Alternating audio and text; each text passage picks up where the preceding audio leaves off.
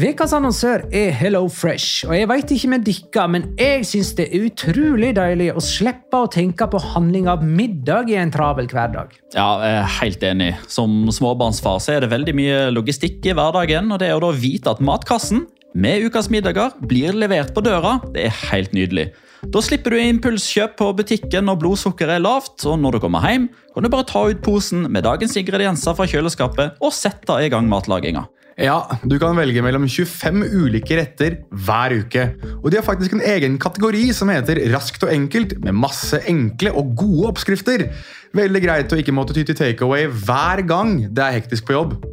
Jeg gleder meg spesielt til sterk chilikylling i min neste kasse. Jeg blir sulten bare av å tenke på det. Ja, Det er ikke feil med bacon og cheeseburger heller, da. Og det som også er bra, er at matkassen koster det samme hver uke, som gjør det enklere å holde matbudsjettet. Ja, og så blir det ikke matsvinn heller, fordi du får akkurat det du trenger til hver eneste rett. Hello Fresh kan absolutt anbefales, og bruker du koden vår, LIGALOCA, kan du få opptil 1779 kroner i rabatt på de fem første matkastene hvis du ikke har prøvd Hello Fresh tidligere. Du kan også prøve koden hvis du har avslutta abonnementet ditt for tolv måneder siden eller mer. Gå inn på hellofresh.no og bruk koden LIGALOCA. Bon appétit! Hallo? Jeg kommer fra Oslo politikammer.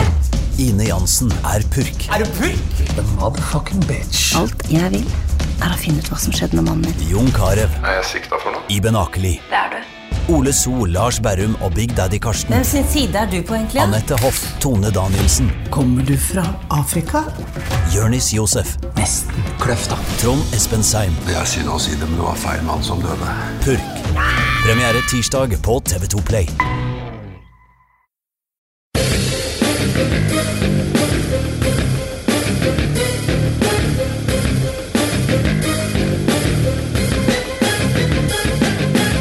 Har du sett? Etter åtte runder er La Liga-tabellen i ferd med å normalisere seg, med de tre største på de tre øverste plassene, uten at noen av dem imponerer.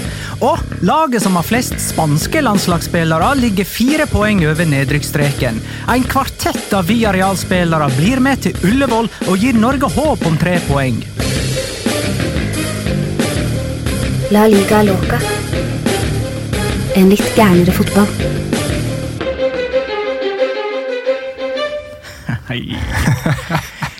Dette er La Liga Loca, episode nummer 86 av det ordinære slaget med Jonas Giæver, hei. Hallois.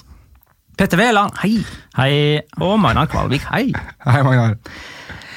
Ja, det som er gøy med sesonginnledninga, det er at enkeltresultat eh, gjør så store utslag på tabellen i, i starten, så da ser tabellen gjerne litt rar ut etter fire, fem, seks serierunder. Men nå, etter åtte serierunder, ligger Real Madrid, Barcelona og Atletico på de tre øverste posisjonene, så da kan vi kanskje si at sesongstarten nå offisielt er over. Ja, det syns jeg vi kan. Nå har vi, gå- nå har vi gått inn i den lange midt i sesongen-fasen, som varer helt til sånn runde 30, kanskje. Da vi går inn i sluttfasen, og det begynner å bli nye rare resultat fordi at lag med kniven på strupen får plutselig ekstra gir, og lag som skal forsvare sine posisjoner, får kalde føtter etc. Ja, Også kjent som perioden der eh, Barcelona, Real Madrid og Atletico Madrid drar ifra hverandre. Stort sett. Ytterligere. Ja. Ytterligere. Ehm, skal vi ta runden sånn som den gikk for seg nå? Det var altså nummer åtte. Real Betis Eibar starta det hele fredag kveld med 1-1.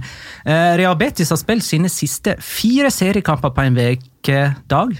Tre av dem på fredag. Null seire.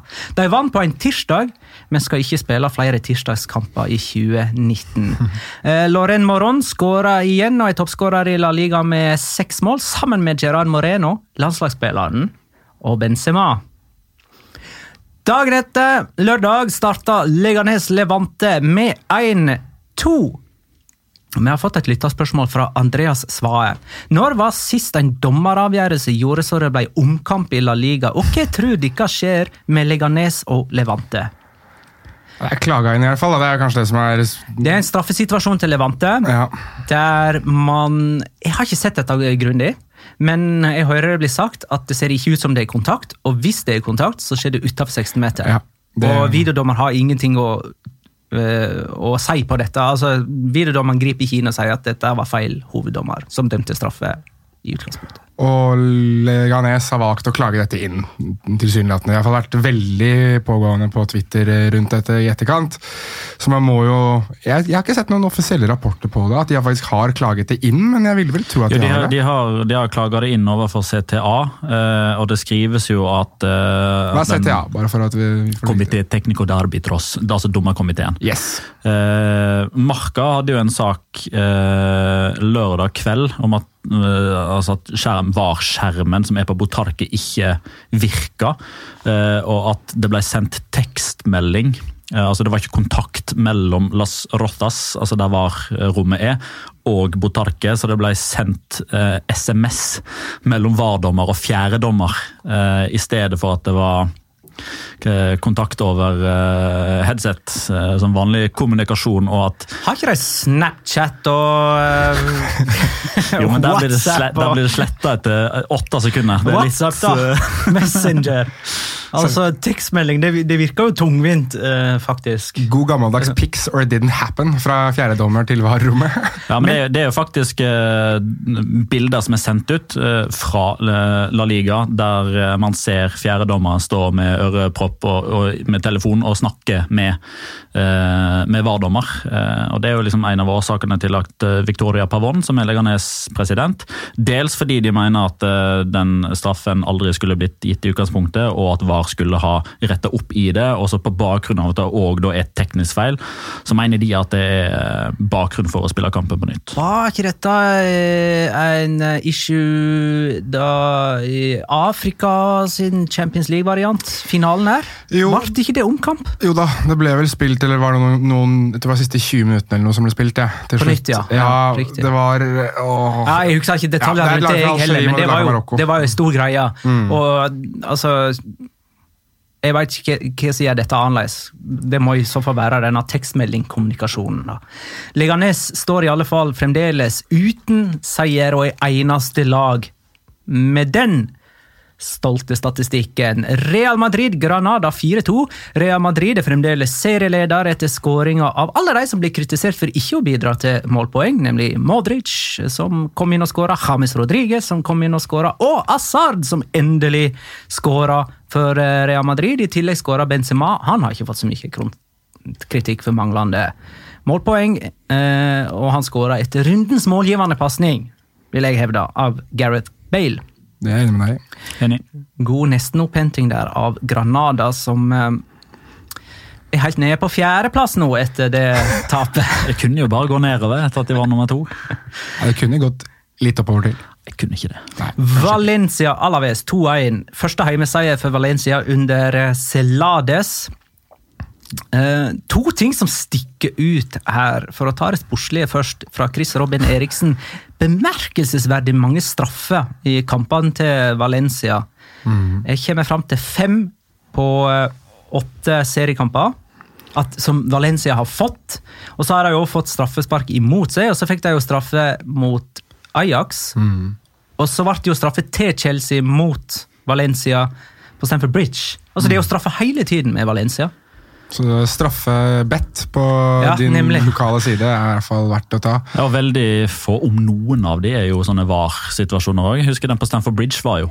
eh, Da Daniel Wass eh, brukte eh, Stemmer. hånda. Stemmer. En kontroversiell og, og en kontroversiell hens eh, straffesituasjon, sier du det?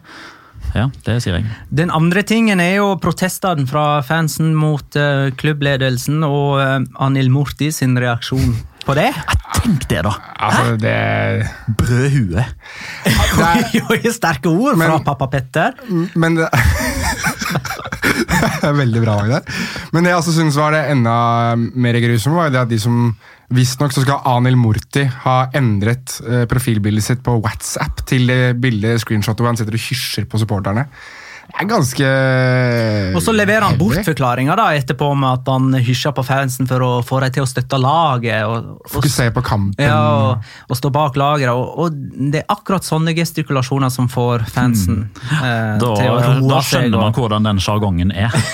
Altså, hvor lenge, hvor, den der Anil Kanaya for det med Staya, den, den gikk lenge. Altså, Spesielt når lyset gikk. Wow, da hørte vi det skikkelig. ass. Da var det jo på med telefonene og Fireflies og synging og uling. Som om det var presidenten og eh, ja, Peter Lim sin feil at lyset gikk. Ja, ikke sant? Men det er for øvrig en ting som, eh, som, eh, som jeg må ta opp der.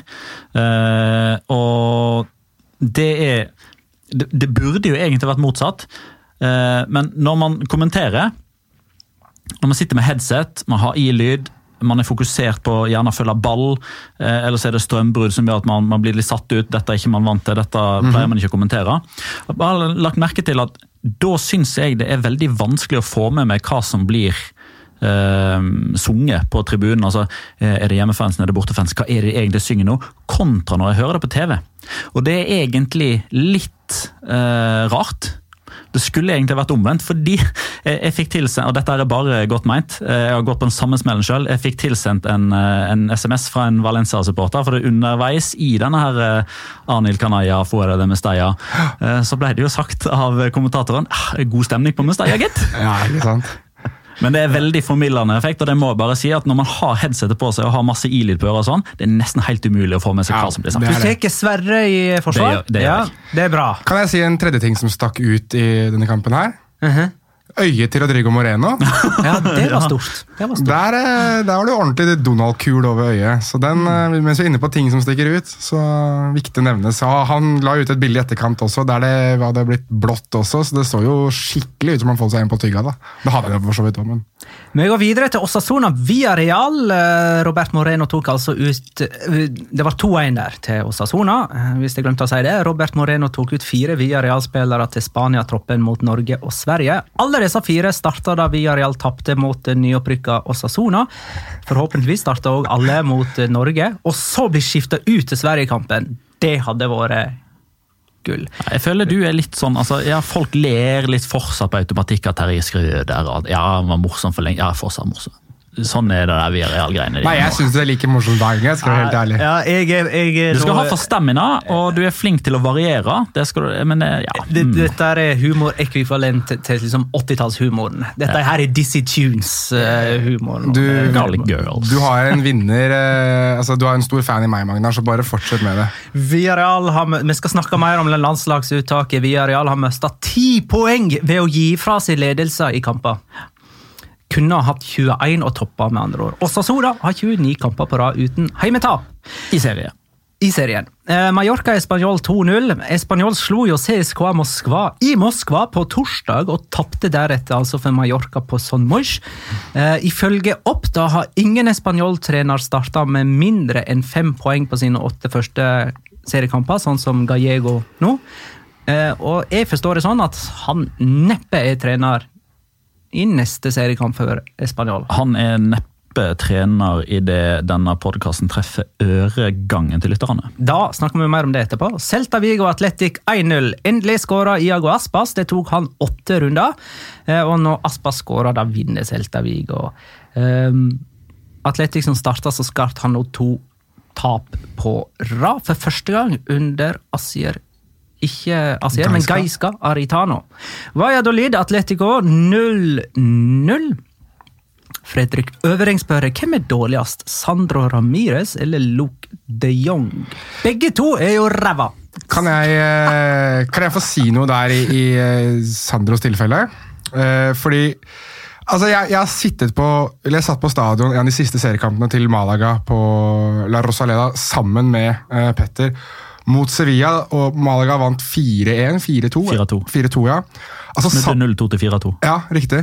Altså, Sandro var unplayable. Han Ja, var, ja, han var helt vanvittig. Og jeg var sikker på at da han gikk til Everton for 3,7 millioner eh, euro, eller hva det var for noe, eller pund, eller hva det var den gangen, at han skulle ta Premier League med storm, for han var helt vanvittig god. Men det er noe, eh, mens vi er inne på kommentatorer, så noe Guillem Balagesa som jeg reagerte veldig på. Han sa det at etter denne kampen her så håper jeg at han oppsøker litt hjelp. Og da han sa det Han bomma på straffe, blant annet. Han bomma på straffe. Eh, da han sa det, så reagerte jeg på at jeg synes ikke det er helt riktig å si det om en fotballspiller eller om noen som kommenterer, men da jeg fikk tenkt litt på det i etterkant, så vet du hva, han har kanskje et, et veldig godt poeng der, Ballagé. For at eh, nå har det gått så lang tid, og det var også noen Real Sociedad-supportere som tvitret om det, at nå har det gått fra å være noe vi kan le av, til dette her er miserabelt å se på. Men skal vi si hvor mange kamper han har spilt på rad nå uten å skåre? Vær så god. 53. Ja. Og Dette er en spiss, og han spiller lengst framme i banen. Og han har hatt sjanser. Som vi nevnte, Han har hatt et straffespark her nå som han blåser over mål. Altså det virker, altså jeg, jeg får ordentlig vondt av å se han spille fotball. Vi må påpeke også at Atletico da har spilt eh, 0-0 i tre av sine siste fire seriekamper. Vi skal snakke mer om dem etterpå. Real Sociedad Getafe 1-2. Kanonveka før Getafe, som slo Krasnodar torsdag og Real Sociedad søndag, begge borte. Og starta med 19 ulike spillere på de to kampene. Eh, Real Sociedad leder her 1-0, helt til Diego Llorente ble utvist. Eh, som han jo òg ble for Spania mot Romania. Kanskje han kan spille ved siden av Raúl Albiol i forsvaret mot Norge? Pau Torres. Eller Pau Pau Torres. Ja. Barcelona-Sevilla 4-0. Chemoché skriver Luke de Jong er Barcelonas beste forsvarer. Det ble enda mer av Luke de Jong her, altså. Um, Sluk de Jong. han hadde jo større sjanser enn Ramires i denne kampen. her da. Ja, ja, ja. Eh, fantastiske mål av Luis Suárez, Dembélé og Messi. Og I tillegg så skåra jo Arturo Vidal, og når han starta, så har han en tendens til å utgjøre en positiv forskjell for Barcelona. Eh, og så ble jo da både debutant eh, Ronald Araujo jeg sliter sånn med det navnet. Araujo. Og Dembélé fikk rødt kort her på slutten. Um, det er greit. Vi kan uh, ta disse topplagene, starte Eh, vi kan begynne med Rea Real Madrid, kanskje. Eh, det er altså topp tre. Dette er tre lag som jeg sa i innledningen ikke imponerer. De har sine flås alle sammen. Real Madrid, som jeg trodde hadde stengt igjen bakover, står nå med to baklengsmål både mot Brygge og Granada hjemme. Nei, altså, eh, For å ta det første først, det er jo keepersituasjonen til Real Madrid synes jeg jo er veldig eh, finurlig. For de har solgt seg til et problem. Eh, og mens vi er inne på men mental helse, så får vi ta dette her også. Det var jo masse rykter som gikk om at Courtois hadde hatt et panikkanfall i løpet av Bryggekampen. Gikk Real Madrid ut med en offisiell pressemelding og dementerte i etterkant. og I påfølgende kamp så er det Alfonso Areola som starter. Det er greit nok, det, fordi Courtois har hatt en dårlig, dårlig periode.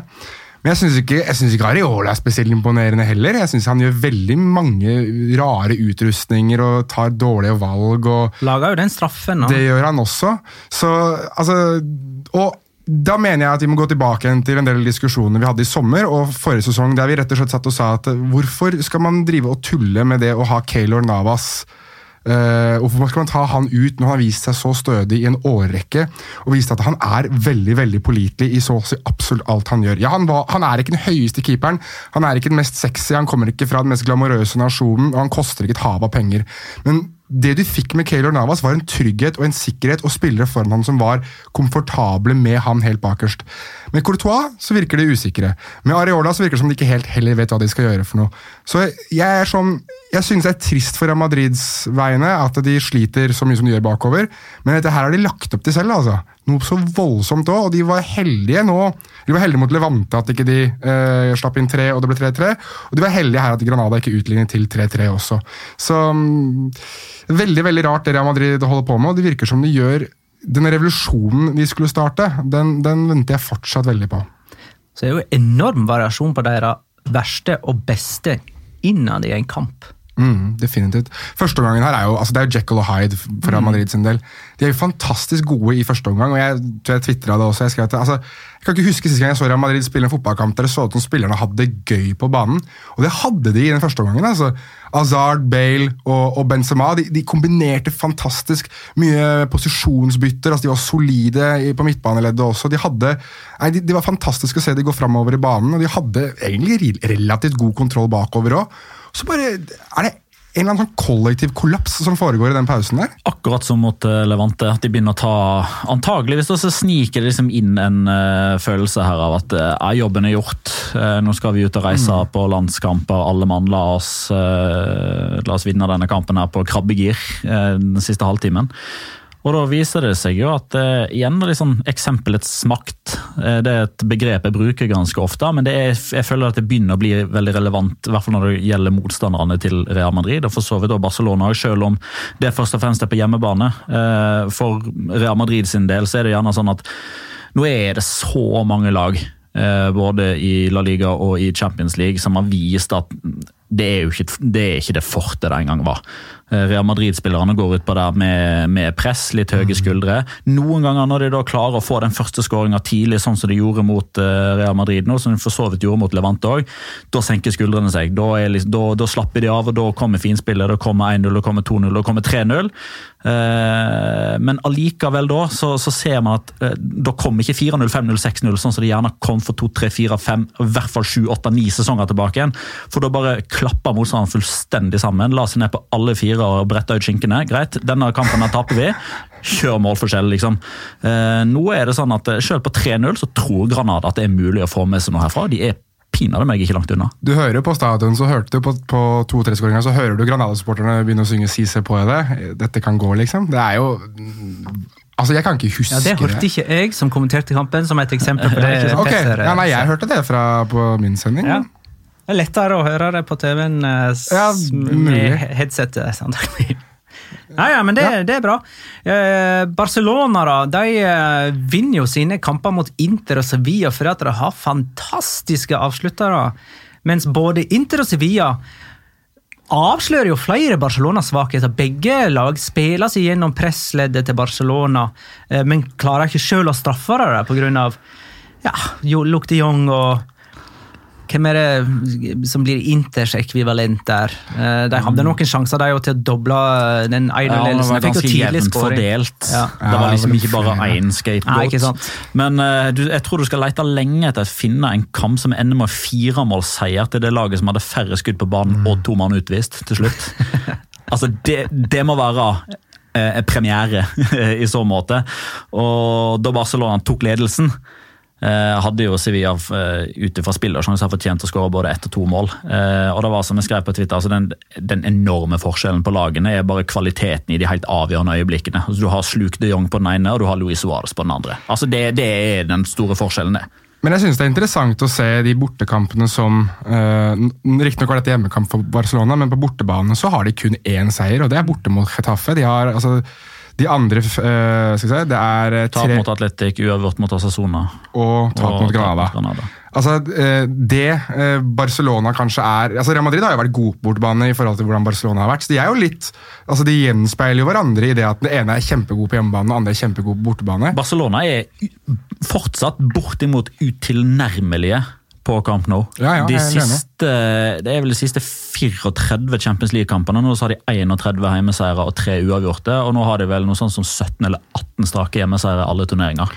Men- så liksom, Selv når de er sånn eh, shaky Stevens mot Betty slipper inn, så er det 5-2 til slutt. Men er det Slipp inn til og mot Inter. Ja, ja. 2-1 til slutt. Men hvis vi skal ta både Real Madrid og Barcelona litt samtidig her nå, er det litt den der elefanten i rommet for uh, Real Madrid sin del? At, altså, Lionel Messi er jo ene og alene grunn nok til å legge seg litt dypere på Camp Nou. Altså, de har hjemmepublikum i ryggen, de har liksom det at det er på Camp Nou, de har Lionel Messi, mens før Real Madrid på hjemmebane på Santiago Bernabeu hadde alltid Cristiano Ronaldo. da. Det var liksom, Hvis alt gikk gærent, så hadde de alltid han som kunne finne på noe Ja. ene og alene.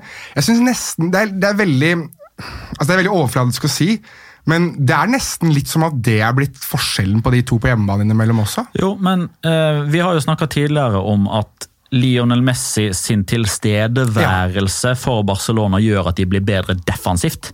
På grunn av at motstanderen tar hensyn etc. Og på akkurat samme måte, da. Mellom 2009 og 2018, tilfeldigvis, nøyaktig den perioden der Cristiano Ronaldo spilte for Real Madrid, så tapte Real Madrid en fotballkamp med tre mål seks ganger.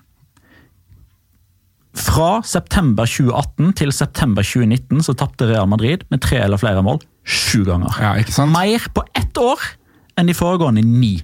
Henholdsvis uten Cristiano Ronaldo og med Cristiano Ronaldo. Altså det er, det er eh, ganske åpenbart at det er et savn der som de ikke har klart, eller et tomrom som de ikke har klart å tette igjen. Og da kan du ha Karim Benzema som lager så mye rom han bare vil, og Gareth Bale som har, i mine øyne i hvert fall, vært Real Madrids beste spiller denne sesongen, og Eden Hazard som endelig ser ut til å klikke litt, i hvert fall, hvis vi skal ta den kampen her som eksempel. Men det er ikke Cristiano Ronaldo. Det er ikke det Real Madrid har vært tidligere. Det er liksom ikke det monsteret, den eraen, de ni årene der Cristiano Ronaldo tidvis torturerte La Liga-forsvar. Men du har det fortsatt med, med Lionel Messi da, og Barcelona. Mm. Um, ifølge Oppda så har Barcelona tapt 0 av 22 seriekamper med Arturo Vidal i startelveren. Og Eirik Horvath spør er Arturo Vidal Barcelonas viktigste midtbanespiller med tanke på at det han tilbyr er så særegent kontra resten. Og Der har jeg litt lyst til å ta inn en Twitter-dialog jeg og du, Jonas, har hatt med det som ser ut til å være en Inter-supporter, Christian ja. eh, Torbergsen. Eh, han skriver jeg har en opplevelse av at Vidal er en spiller Barcelona egentlig ikke vil at de skal trenge. Det er en ganske kul betraktning. Det synes jeg er en veldig eh, artig betraktning. Og det er jo litt det samme som Paulinho var i sin tid også. Mm. Uh, altså han, ja. ja. for han representerer liksom ikke det Barcelona står for. Ja. Men under Valverde så gjør han kanskje det. Altså, og det, Da blir det jo igjen dette med Barcelona-DNA og hva Valverde fører klubben hen, mm. eventuelt president Bartomeo. da. Jeg synes det, det, det, er eh, Man må slå et slag for, for, jordfreserne. For de som gjør den drittjobben som egentlig ingen andre har lyst til å gjøre. Kan, kan du ikke si rivjern, så får vi litt publisitet. Ok da, Det, det rivjernet. Tror du Kari Simonsen hører denne? Jeg håper noen sender denne til Kari Simonsen. Her har du, her har du tittelen til episoden. Riv, Barcelonas rivjern. Vær så god. Det blir ikke tittelen. Ja, uansett hva det blir for noe, så skal jeg faktisk argumentere for at jeg tror det er et poeng til, til ja, ja. det som har eh, blitt sagt her. Marie, Marie Simonsen er det vel for øvrig, ja. ikke Kari. Ja, nei, det er noen andre. Kari Simonsen må gjerne høre på, hun òg. Ja, uansett. vi tar imot de lytterne vi får, vi. Kanskje Tore Vidal sin familie hører på etter dette her også, for nå skal jeg hylle han litt. Han er jo en kar som gjør veldig mye av den drittjobben som ingen andre har lyst til å gjøre. Og, ikke, og, som, og han er unik i Barcelona-mål og stokk i det at han gjør den jobben som, altså, jeg, Sergio Busquets har ikke beina til det, Frenkie de Jong har ikke fysikken til det. Arthur er ikke defensivt anlagt nok til å gjøre det. Så han tar liksom alt det de er dårlige på, og er bare god på det. Uh, og da tror jeg det er et poeng i det som blir nevnt her, at det, det han er god på, er kanskje det som også representerer Barcelona i minst grad. Og derfor så gjør det at han er så viktig for Barcelona. Mm. Så selvfølgelig, eh, Jeg har jo vært kritisk til Arturo Vidal siden de signerte ham. For jeg har ment at han har ikke hatt beina til å spille i en så stor klubb som Barcelona og bevise at han uh, har den dynamikken som han hadde i Bayer Leverkosen, i Bayern München, i Juventus. Uh, eller ikke så mye i Bayern München, men veldig mye i Juventus. Men har jo motvist meg til gangs da, ved å vise at det er fortsatt litt grann, uh, juice i de beina hans. Uten sammenligning for øvrig. Eh, nå holdt jeg på å si Rigobert Song. Alexander Song. Statistikken hans de første 31 kampene 29-2-0. Ja, jeg, jeg, husker det. Jeg husker Han hadde en sånn vill statistikk. Ja, han nå, eh, Det var 31 kamper uten tap. Ja, Og så mm. skårer han sjølmål på Anueta, og da tapte de 3-1. han tok saken i egne hender. Atletico Madrid har altså tre 0-0-kamper på de siste fire rundene. Um, de har òg skåra hva er det for noe? Elleve mål på sju kamper? Nei, de har sju på åtte. Har de bare sju mål? Jo, nei, det, det har blitt skåra elleve mål på Atletico sine åtte seriekamper. Ah, ja. Noe som gjør kampene deres til de mest målfattige i La Liga. Og det er bare de fire nederste. Sammen med Atletic. Har de òg Atletico har 7-4. Oh, ja, okay. ja, sant. Så, eh, så det, da, vet vi, da, vet vi, hva den kampen ender, og den kommer jo rett rundt hjørnet. Det blir 0-0. uh, og det er bare de fire nederste lagene som skårer mindre enn Atletico. Det interessante der er jo det at Selta Celta Vigo òg. Ja, ja. Har jeg sett Soffa? Altså, er ikke de blant de fire nederste? Nei, Kanskje Celta er nummer 15. Ja, Bare fortsett du, Jonas. Det som er interessant er at hvis, hvis statistikken er sju mål til Atletico Madrid og fire mål imot, så to av de målene kommer på Anueta mot Real Sociedad. Så det er jo en åpenbar fantastisk god statistikk. da. Eh, det jeg biter meg merke i, som jeg ser at Marca også har bitt seg merke i, er jo det at 126 eh, millioner euro. Eh, altså, Joa Felix byttes ut i hver eneste kamp han spiller, nesten. altså. I åtte av ti kamper så er han blitt byttet ut. De to kampene han ikke er blitt byttet ut. Og den eneste kampen i La Liga er i runde to, da de møtte eh, Leganes, og i kampen mot Juventus i Champions League. Og Han byttes ut og han byttes ut og han byttes ut. og Han virker, altså han virker like misfornøyd hver gang. Han ser nesten litt sånn på gråten ut når han sitter på benken der og blir bytta ut. Og det det er, veldig merkelig, samtidig som jeg tror at det, Simione gjør det litt for å, for å herde han litt og gjøre han litt, uh, litt tykkhuda. At han skjønner at uh, du må gjøre litt mer enn dette her hvis du skal spille til tross for at det kostet så mye penger. Men det er merkelig! Og at du klarer å selge Antoine Griezmann og han som skal erstatte han, ikke fullfører noen kamper, nesten. Har du tid til det? I La Liga, i Champions League, for et lag som Atletico Madrid. Det, de, for de er ikke det, det, lille laget som skal slå nedenfra opp lenger. Altså, de er blant de største nå. Og så kan, altså kan, det òg hende at Diego Simione fikk litt sånn eh, han fikk litt sånn sug i magen av at han eh, For det første gangen han ble bytta ut, mm. eller i hvert fall den første gangen han ble bytta ut når de trengte scoring, eh, altså på stillinga 2-2 mot Eibar i tredje serierunde, ja. da ble han bytta ut. Thomas Partey kom inn. For, ok, Nå har det klikka for Zidane, tenkte nesten alle, og så skåra Thomas Partey. Jeg tror det, det suget han kjente da over å treffe så på det byttet Jeg tror kanskje Kanskje det ligger liksom bak her ja, men Vi tar Joe Felix, og vi vinner igjen, så, så blir bare den forsterkende auraen om at ah, kjempetrener, gode bytter. Jan André Hagen skriver hey!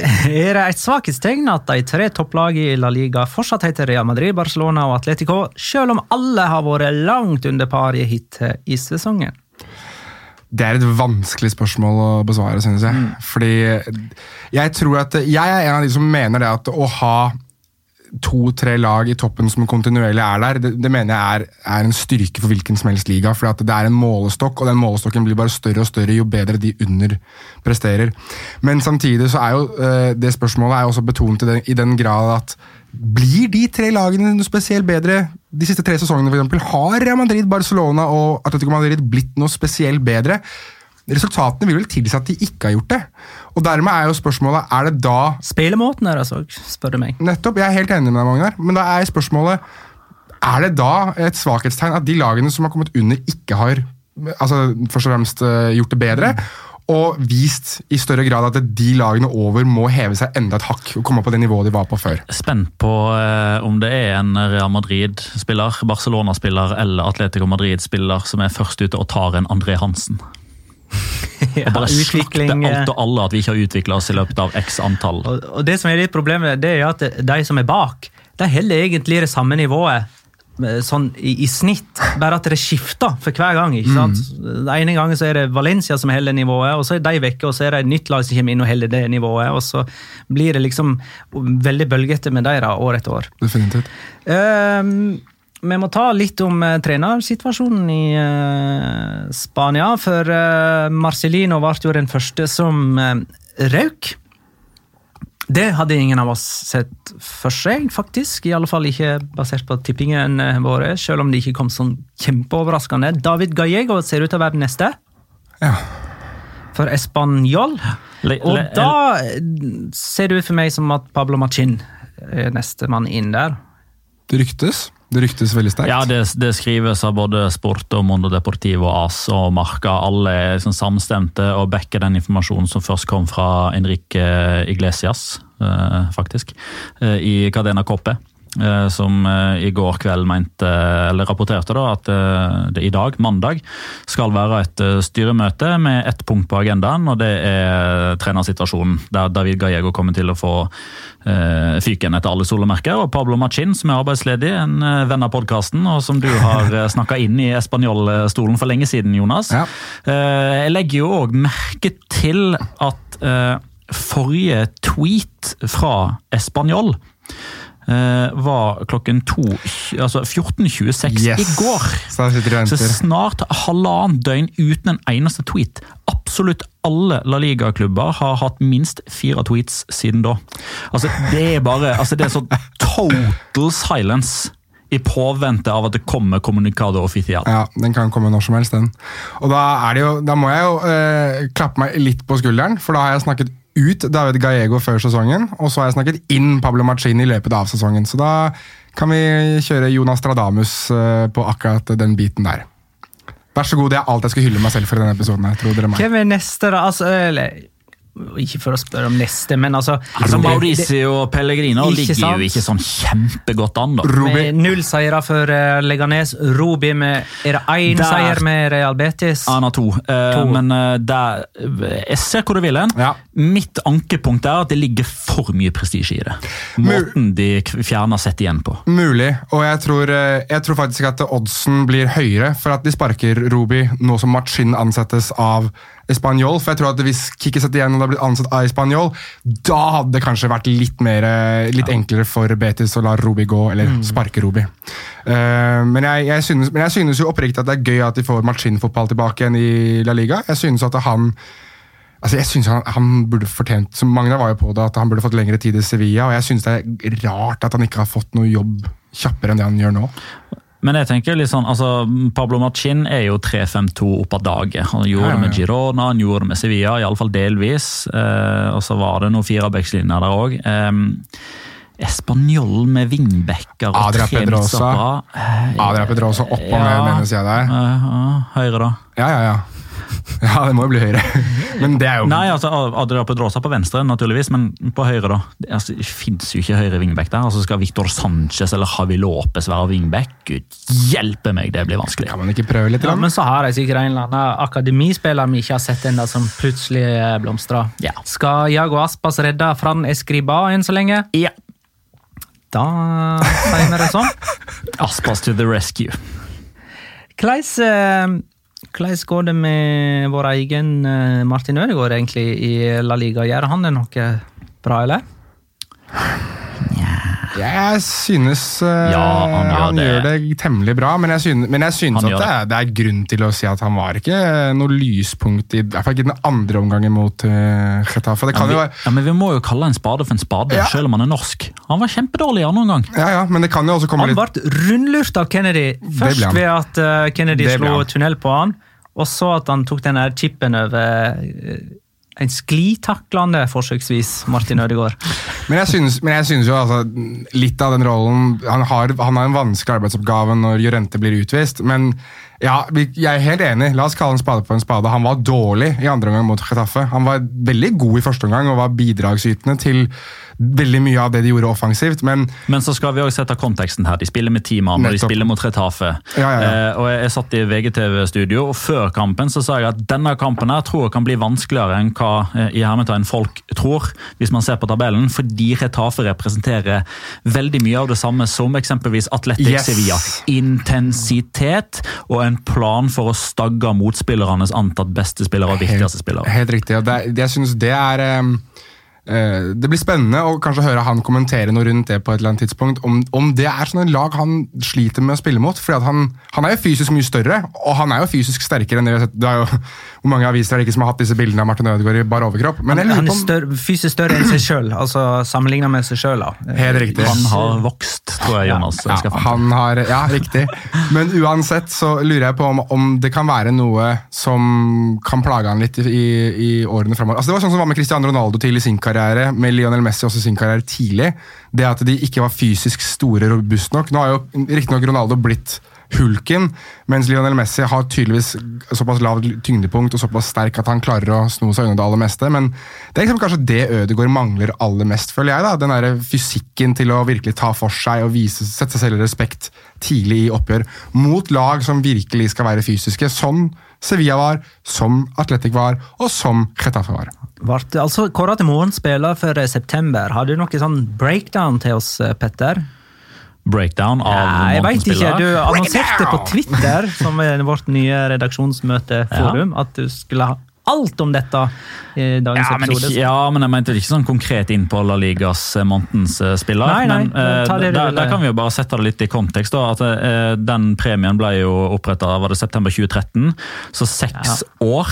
Uh, og så er det vel ni måneder i løpet av en sesong. Da, så 54 ganger har denne månedens spiller blitt delt ut. Jeg vil vel anta sånn hvis, hvis, man måler kvalitet eh, i søylediagram eller i kolonner eller noe sånt i et Excel-ark, så tror jeg Messi hadde kommet ut på toppen en ja, skal vi si 30-35, kanskje 40 måneder. Han har bare fått den fem ganger. Så det er ikke alltid en sånn ren superformel som gir oss en fasit på hvem som er best. Men la oss bare gjøre det klinkende klart en gang for alle. Dette er ikke noe sponsorpris eller noe som man får for å hype. Altså, Martin Ødegaard var kjempegod i september, og så blir det også satt i sammenheng med forventninger. Hadde folk forventa at Martin Ødegaard skulle være en av 14 spillere i La Liga som eh, ved landslagspause 2 har spilt samtlige minutter i La Liga? Det er ikke bare det at han har starta alle, at han har gått rett inn på laget og tatt den tierrollen og gjort den til sin egen, men det er òg at han har sett 24 bytter blitt gjort av Imanol Ghasil, og Ødegaard har ikke blitt tatt av banen én gang. Han har ikke blitt sett på som et problem eller en hemsko eller noe som helst en eneste gang i løpet av de åtte kampene, og det er kun 14 av ja, det er 20 lag, da, så det er 25 mann i troppen. Eh, 14 av 500. Det, det er ikke negativt, det er utelukkende positivt. Eh, og så kan man diskutere er det bra at han løper mye. Det kan hende at han løper feil. Det er aldri feil å løpe mye, og det gjør Martin Ødegaard, for det viser at han har motor- og arbeidskapasitet, i tillegg til det som han er vant til å snakke om når det gjelder Martin Ødegaard, som er overblikket og teknikken og pasningsfoten. Han har skåret to mål, han har to målgivende. Eh, Han har vært eh, absolutt blant de beste spillerne på det som etter åtte serierunder er La Ligas femte beste lag. Det er over all forventning, vil jeg si, og det er ikke pga. at vi hadde lave forventninger til Martin, men det er fordi dette her er La Liga, det er hans åtte første kamper for en ny klubb. Fem av kampene er bortebane. De har møtt Valencia, som var nummer fire forrige Ja. sesong. Basca-derby på San Mames. Atletico Madrid. Martin Ødegaard skårer ett av de fire målene som Atletico Madrid har sluppet inn denne sesongen, og det er Sevilla på bortebane. Altså, det, det er ikke sånn at de har møtt de åtte dårligste lagene og flaksa seg til en femteplass på tabellen. Nei. Vi eh, runder av eh, der, og så går vi inn i den nostalgiske timen. Det må vi alltid gjøre. Jonas skal nå fortelle om et historisk øyeblikk i eh, spansk fotballsammenheng som jeg og Petter skal prøve å sette et årstall på. Vær så god. Ja, jeg tar dere tilbake til en, en kamp jeg faktisk husker at ble spilt. Her er det to ting dere må følge litt med på. for det er, Jeg har åpenbart når da, og så har jeg et oppfølgingsspørsmål til det.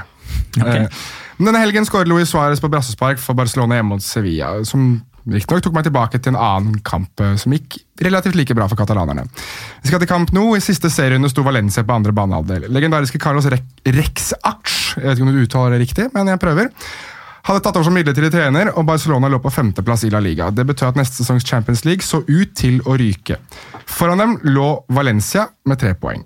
Så hvem møter Barcelona i siste serierunde? Jo da, Hector Cooper og Hans Valencia. Det startet bra for Barcelona, anført av Rivaldo. I det fjerde minutt hadde brasilianeren nemlig plassert et frispark fra drøyt 30 meter nede til venstre for Santiago Canizares, og Barcelona sto med én fot i det glade selskap. Men slik Valencia var kjent for på den tiden, så kriget de seg inn igjen i kampen. Midtveis i første omgang så fant Ruben Baraja nettmaskene for bortelaget. Men så var det Rivaldo, da. Like før pause så vant Sergi ballen nær Valencias boks og spilte brasilianeren. Et steg to, og bam! Fra om lag samme sted som han hadde satt inn frisparket, så valgte han nå det andre hjørnet til Canizares. 2-1.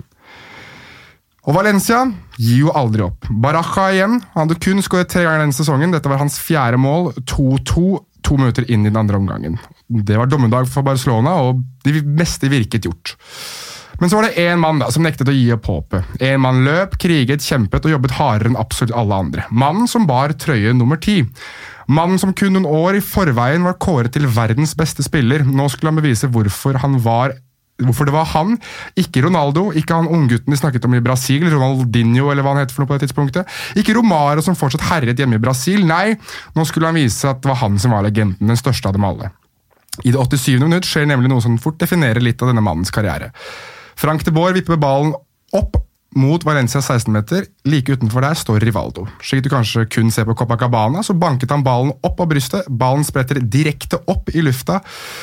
Og han gjør noe kun de virkelig superstjernene kan. Han vender snuta mot eget mål og varter opp med et fantastisk brassespark. Canizares var slått, Champions League-drømmen var reddet. Rivaldo hadde skåret et hat trick der absolutt alle målene hadde kommet utenfor motstanderens boks. På tribunen kunne man skimte en dansende Joan Gaspar, daværende klubbpresident i Barcelona. Og den legendariske Rivaldo hadde skapt et tidløst øyeblikk, men et øyeblikk som dette lever jo fortsatt i tiden. Og da er jo spørsmålet når da? Ja, Tidlig- dette, dette vet jeg. Ok. Men uh, Tidlig vi kan ikke være så kjedelige at vi bare sier svaret. Det er, det er fordi, rett og slett fordi dette er så ikonisk. Ja. Men jeg, da, da Luis Suárez gjorde det brassesparket, så hadde jeg to kamper i hodet. Det var jo da denne, og så var det Ronaldinho sitt brassespark mot uh, Villarreal. Ja. Men jeg Da ballen gikk over Pascal Sygan. Riktig. Yes. Men denne her var litt minnet litt mer om Rivaldo enn det gjorde Ronaldinho. For det er Ronaldinho selv vel som vipper Nei, han får den over hodet sitt, og så Ja. Mm. Uh, og så er jo dette her eh, versjon 1 av Frank de Boer spilte ball. ja riktig. Den andre er jo Dennis Bergkamp. Dennis Bergkamp. Roberto Ayala spilte begge kampene. Det gjorde han faktisk. Mhm. Det er godt spotta. Vil du resonnere, eller? skal- Nei, Nei, jeg er på sånn 2002-2003-opplegg. Men, men kan jeg bare si før, før dere sier årstallet? Ja. Det er jo noe spesielt med denne sesongavslutningen her. Som jeg synes, øh, hvis dere klarer å ta det også Det er noe med tidspunktet her som er litt rart. Men du kan godt si årstallet først, siden du kan det. Ja, jeg er veldig sikker på at dette er 2001. Ja, det stemmer. Men kan du det som er litt spesielt med det årstallet her? Eller den ligaen her? Uh, Sein sesongavslutning. Det er det jo. Men det er noe som har skjedd i forkant her. Som vanligvis ikke skjer. Nei, jeg er blank. Nei, eh, Denne kampen her ble spilt 17.6.2001. Det er altså én måned etter at Valencia hadde tapt Champions League-finalen mot Bayern München. ah. Det syns jeg var eh, ganske interessant. Og så syns jeg også det er eh, litt interessant eh, en del av de spillerne som spilte den kampen her. For du har to Valencia-trenere blant annet, som spiller den kampen her. Uh, altså Miroslav Djukic ble byttet inn, Pellegrino. og Pellegrino også spilte den kampen her. Så det var litt eh, Og altså, Ronald, eller Richard Dutruel i mål for Barcelona. Nå har Jonas Gå med eh. Spanias munnligere. landslagstropp mot Simao eh, Norge. Mange oppsiktsvekkende navn der, eller? Ja, det var noen overraskelser der. Det kan man definitivt si. Kan jeg, kan jeg bare ta førstemann med en gang? Ja. Pau Torres, Petter. Ja. Midtstopper for uh, Villarreal, som svarer med å skåre før Villarreal, da, samme dag som han var tatt ut. i denne Ja, troppen. Bare et par dager før han ble tatt ut, så signerte han en ny kontrakt med Villarreal. Som han har spilt for siden han var fem år. Så fin uke for han. Men Pau Nei, kan, Torres nei, altså, um, han er ikke Spanias uh, topp fem midtstopper. Det er han ikke i kvalitet. Eh, så det jeg har liksom resonne- resonnert meg fram til da, du, altså Sergio Ramos er 33, Albiol er 34, uh, Diego Arente er ved midten av 20-årene, og Inigo Martinez er litt eldre enn det igjen. Så, så har de prøvd Unai Núñez, som ble spansk U21-mester, og så er han ute av troppen nå fordi han ikke spiller i Atletic.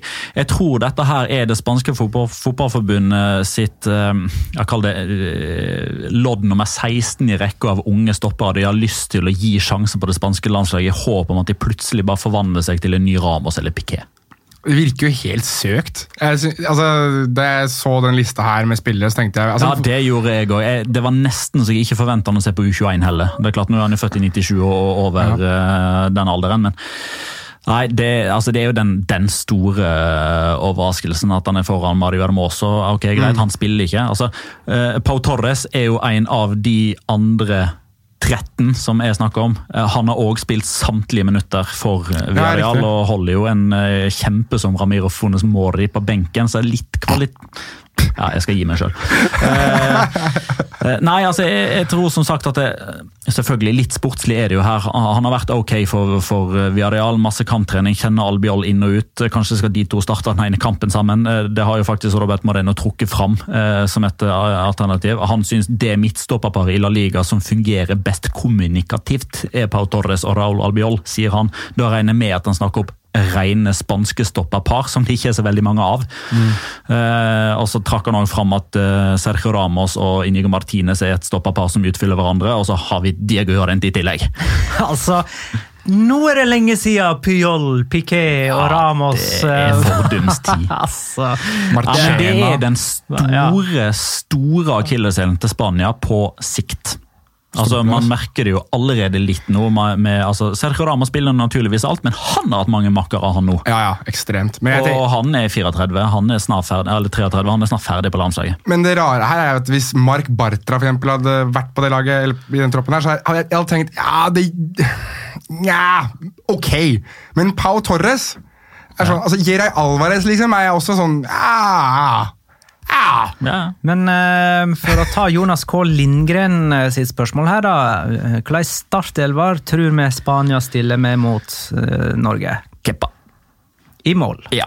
Kepa. Han har vel ikke, Ikke gjort David noe De altså. i, nei, han har ikke gjort noe i Chelsea som tilsier at han ikke fortsatt skal være det første valget som han har Mm. vært gjennom hele 2019. Høyrebekk. Carvahall. Jeg håper Navas. Jeg tror Navas, jeg. Å ja, ok, så da er det egentlig Navas vi sitter der. Og så venstre venstrebekk. David Gallego har fått fiken. Der kom det. det? Ja. Ok.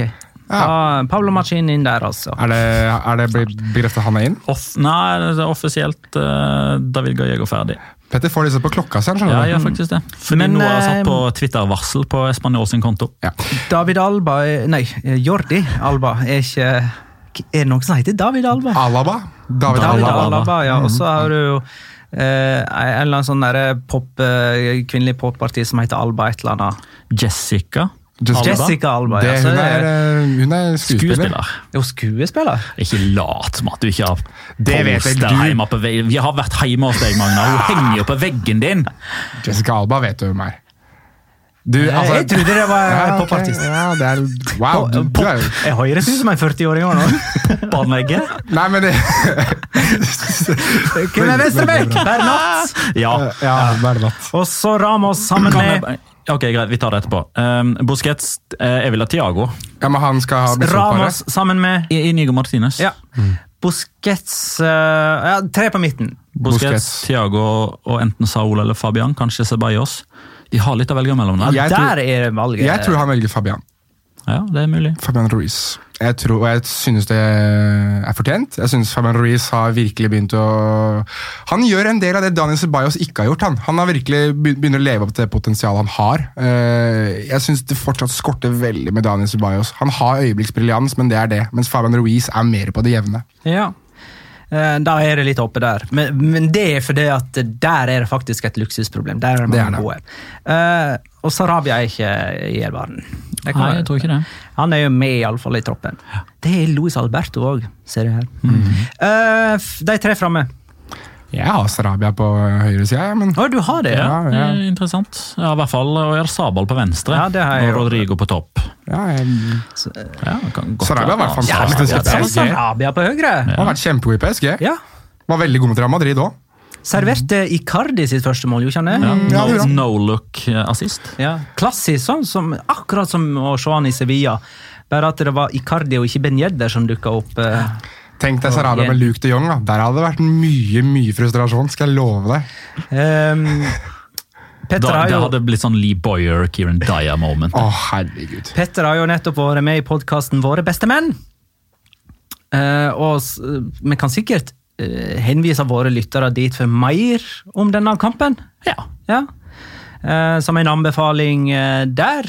Eh, de sender jo også en tweet som tyder på at de ikke har hørt eh, De kan ha hørt alle våre episoder, bortsett fra den episoden vi hadde før eh, Spania-Norge på Mestalla, da, ettersom de spør eh, med Som kanskje er den de i så fall burde vil jeg påpeke. Eh, vi vet at Petter Wæland heier på Norge på lørdag, men hva med Jonas og Magne?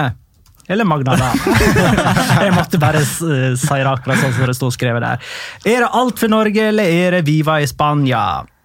Altså, Altså, for, for meg er det alt for Norge ja, alltid og for evig. Da kan, vi jo, da kan jeg jo faktisk eh, Til Dovrefallet, eller? Ja.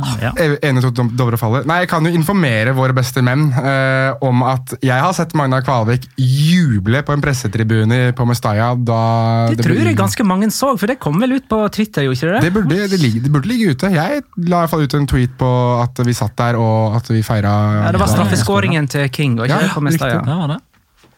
Jo da. Så det fins bildebevis. Fins bildebevis på at i hvert fall du heier på Norge. Men eh, vi skal tippe på denne kampen til slutt. Eh, så stay tuned. Eh, det er tid for rundenspiller. Nå, og det er jeg som skal kåre rundenspiller denne gangen. Da føler jeg at jeg, på, da føler jeg, at jeg må gjøre det du alltid gjør. Eh, Ønsker du musikk, Magnar? Ja. Ja, da skal vi få det. Det er ikke sikkert musikken passer så veldig godt til innholdet, men nå har vi nå bare bestemt oss for å ha musikk uansett. Ja. Eh, og jeg må bare ta et uh, lytterspørsmål fra Nori. Kan Magnar kåre Luke de Jong som rundenspiller? Hashtag motsatt jinx.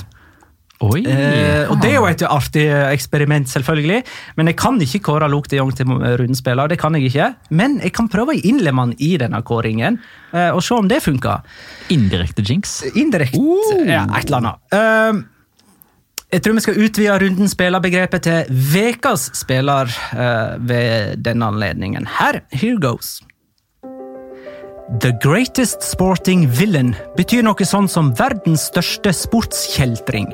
Shameful antiques omhandler juks og teatralsk framferd ansett som skamfull og rampete oppførsel.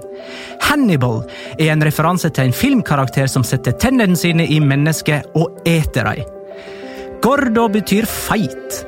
Ferdig på dette nivået trenger ikke oversettelse, ei heller upro uh, uprofesjonell. Skal vi finne en paraplybetegnelse for alle disse uttrykkene, finne en person som må tåle alle disse beskrivelsene, må det bli Luis Suárez. Han som senest i sommer ble kåra av ESPN til The Greatest Sporting Villain, med Joey Barton på andreplass og Mike Tyson på tredje. Ramos ble nummer sju. Så her kommer en aldri så liten idrettslig hyllest av sportsverdens største banditt. En tjukk, treig, klønete, teatralsk, avskilta og utskjelt kannibal. Du veit, han som skåra to mål mot Inter på onsdag, og dermed snudde Champions League-kampen for Barcelona. Han som brassa inn med venstre 1-0-målet mot Sevilla i helga. Han som viste Luke de Jong at du trenger faktisk bare én sjanse, sågar en halvsjanse, for å skåre mål. Ingen tror at Luis Suárez har ilt i kneet når han ligger på bakken og holder seg for kneet. Ingen tror at Luis Suárez sier noe fornuftig når han roper iltert og flekker tennene sine mot motstandere eller dommere. Men om du tror det eller ei, han skårer fremdeles avgjørende og himmelsk lekre mål. For mange fotballfans er den virtuose sida av Luis Suárez det aller verste som finnes. Midt oppi alt hatet blir man tvinga til å la seg beundre. Det ser jammen ut som om folket må leve med det ei stund til. Gratulerer og lykke til, Luis Suárez. Og der var Luis Suárez ferdigskåret denne sesongen. Ja, eh, Framover Mens- nå så vil han bare være tjukk, eh, avskilta og kannibal. Mens Luke de Jong jo plutselig skåra hat trick i neste kamp. Ja. Nei, men eh, kult, da er det på tide med Locora! Ukens La Liga Locura. Locura. Locura. Locura. La Liga Locura. Er det noen som har lyst til å begynne der? Eh, ja, jeg kan begynne. Jeg tror ikke jeg begynte sist, så da blir det i hvert fall ikke to på rad. Jeg trenger litt hjelp, gutter. Ja. Um, Jonas, eh, kan du telle til ti fra der? Én, to, tre, fire, fem, seks, syv, åtte, ni Der fikk Nikola Vukcevic gult kort i oppgjøret mellom Leganes og Levante. Men det er ikke det som er lokodaen, for det er noe som er litt mer spesielt enn som så. Magnar, kan du telle til eh, fem fra nå? 1, 2, 3, 4, 5. Og der fikk Naldo eh, innbytter gult kort eh, etter sitt innhopp. Takk for at du ødela lokodaen min, Magne. Det var, det var den der eh, onde tvillingbroren til Magnar, Magne som steg fram her nå i noen uh, kjappe sekunder. Ja, men det var litt morsomt, da. Nei, men det var fint. Ok, Min Locora går til Leganes, som altså fremdeles ikke har vunnet en eneste kamp. Det er fordi at 1. Keeper Juan Soriano varte opp med tabber som fører til baklengsmål. Og 2.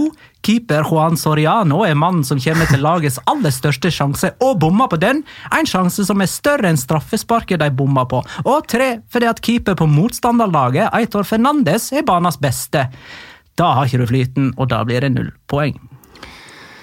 Ja, min er eh, Jeg sa jo eh, på Twitter før, eh, før kampen det skulle komme et nytt kallenavn til Casemiro. At nøkkelordene her var bensinstasjonsnacks. Og det kallenavnet er Rollerburgeren, for det er det Casemiro har blitt etter denne kampen her. Altså, han blir jo taklet ganske stygt egentlig bakfra av eh, Roberto Soldado. og Blir jo liggende og rulle rundt og rulle rundt og rulle rundt. Til så ruller han så mye at han ruller over Roberto Soldado, som også faller. Litt eh, den, det humoristiske ekvivalenten til David Beckhams spark på bak på leggen til Diego Simione i VM i 98. Jeg syns egentlig Roberto Salado akkurat der min- ligner litt på de der wrestlerne som plutselig bare som, som står som ned sånn. Litt sånn Macho Man Randy Savage over akkurat den. Ja, Helt som riktig. Kasta seg ned med albuen Ja. på ryggen på uh, sin uh, fighter-motstander. Ja, riktig. Nei, jeg er enig, jeg er enig i det. Men uh, uansett, eh, det uh, smackdown-movet til Casemiro i forkant der, det gjør at han nå heter Rolleburger i eh, mitt hode. Nice! Skal vi ta og tippe på eh, Norge mm, mot eh, Spania, da? Mhm. Det kan vi gjøre. Eh, Det var ikke mye diskusjon denne gangen om hvilken kamp vi skulle ta. nei, kunne ha tatt Sverige-Malta, går ikke den samtidig? som er gira på Luxembourg-Gibraltar. Forrige kamp var Celta. Vigo mot Atletic Klubb, som endte 1-0 med Aspas som første og siste målskårer. Petter hadde 1-1 med Aspas som målskårer. Det gir to poeng. Petter er oppe på ni. Jeg hadde 2-1 med Aspas som første målskårer. Det gir vel tre poeng. Oppe på åtte. Jonas hadde 0-3 med Inyaki Williams. Eh, Det gir null poeng. Du står på fem. Eh, Og vi pleier vel å gjøre det sånn at øh, øh, den som leder, begynner. Jeg vil komme med en regelendring. Ok? Fordi den som leder, har en fordel ved å også få lov til å tippe først neste runde. Men greia, greia er at Hvis den som leder, tipper sist, så kan han bare tippe det samme som han som ligger sist, så unngår han å bli sist. Men de som tipper sist, de føler ikke at de kan tippe det med de Nei, samme men som det- Jo, tipper men det kan du først. gjøre, fordi det har vi skrevet ned på for, i forhånd, Jonas. Hvis alle hvis det skulle være okay. så ulykksalig at alle tipper 5-5 og uh, Keylor Nava som første målskårer, ja vel, da blir det sånn, da. Det hadde vært utrolig kult hvis, hvis det ble 5-5 og Keylor Navas skåret første kamp mellom eh, Spania og Norge. Det hadde vært litt kult. Ja, det hadde du. Eh, Det er Petter da, som ble nå. Ja, eh, jeg har 0-2 jeg, og Sergio Ramos. Jeg har slått rett ned på regelendringen min. Ja, Ja. vel, greit. Ja. Her, her var det Det er ikke sånn regelendringer midt i sesong, Jonas. Det vet du. Jeg syns VAR skal gå inn og avgjøre dette her. Jeg har 1-2 og Oyarzabal. Faen, altså! Helvete! Ja, Ja, det var det jeg skulle gå for, jeg òg. 1-2 Moyar Sava. Ja, veldig stor variasjon og spenning i uh, tippingen. Jeg håper alle står med null poeng. Det vil si, jeg håper jeg og du, Jonas, får uh, ett po to poeng. Jeg håper vi får fem poeng. Nei, vi får to poeng med, for at Oyarzaba skårer først. du Nå avslutter du deg sjøl. Du holder med Spania, du. Ja, akkurat nå så må jeg nesten si at jeg gjør det litt. grann. I tippingens ånd så gjør jeg det. Ja, men Du tar jo innpå Petter om Oyarzaba skårer første målet. Og du tenker ikke inn på meg, for jeg har òg det. Nei, men altså, dette var kjekt, gutter. Det var det. Da er en ny episode i mål. Vi reiser på Vi har noen få sekunder igjen. Har du begynt å øve til maraton, halvmaratonet som du skal springe i år? Ja, jeg har begynt å løpe. Flott. Så bra. Og så snakkes vi neste mandag etter eh, Norge-Spania, og før en ny serierunde i La Liga. Takk for alle innspill og spørsmål. Tusen takk for at du lytta, kjære lytter. Ha det, da!